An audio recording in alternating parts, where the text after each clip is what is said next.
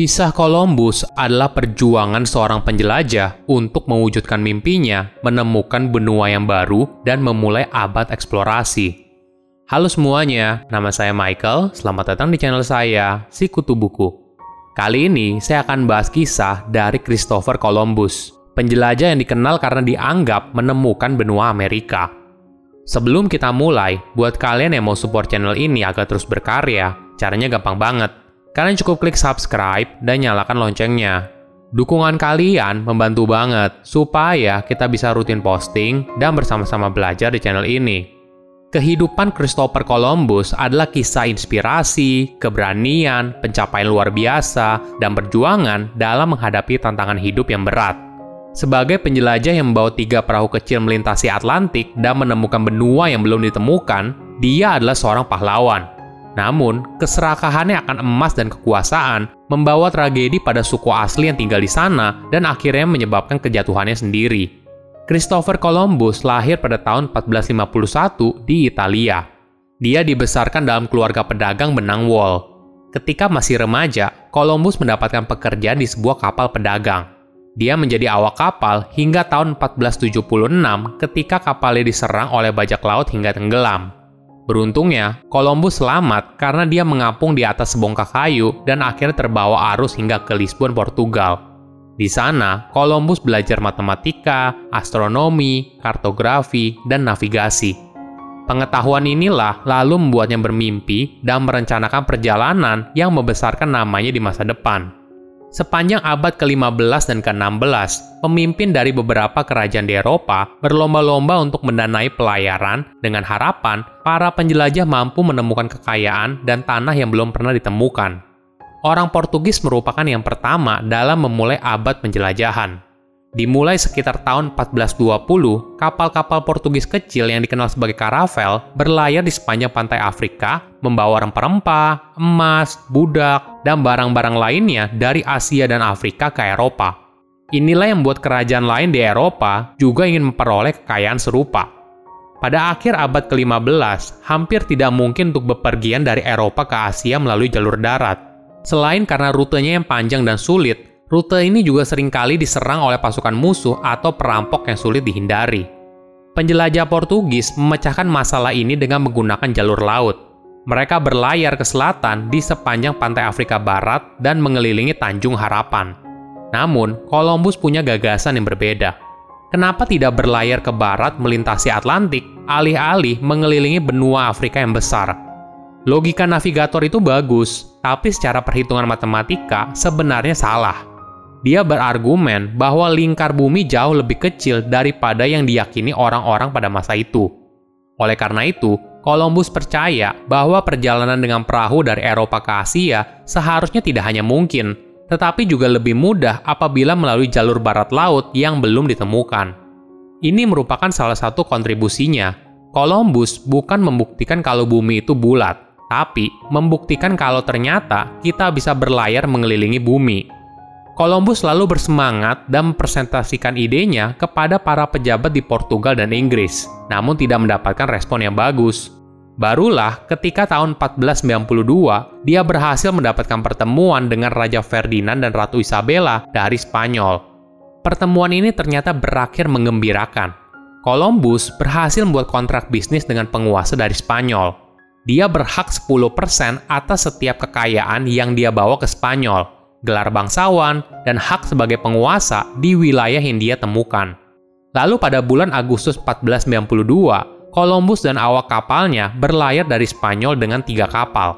Hingga akhirnya, kapal mereka menemukan daratan yang dianggap olehnya sebagai Hindia Timur. Dia lalu menyebut suku yang ada di sana sebagai suku Indian, karena menganggap kalau dirinya sudah sampai di Indis atau dikenal sebagai Hindia. Padahal perjalanan pertama Columbus tidak sampai ke benua Amerika, tapi hanya sampai di Kepulauan Bahama. Inilah yang membuat pernyataan kalau Columbus menemukan Amerika tentu saja kurang tepat.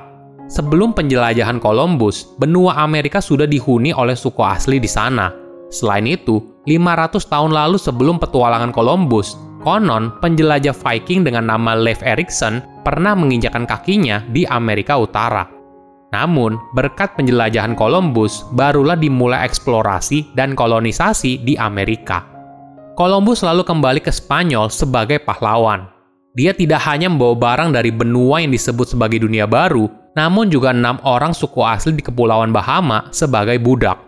Raja Spanyol pun senang atas pencapaian Columbus dan mendanai pelayaran berikutnya.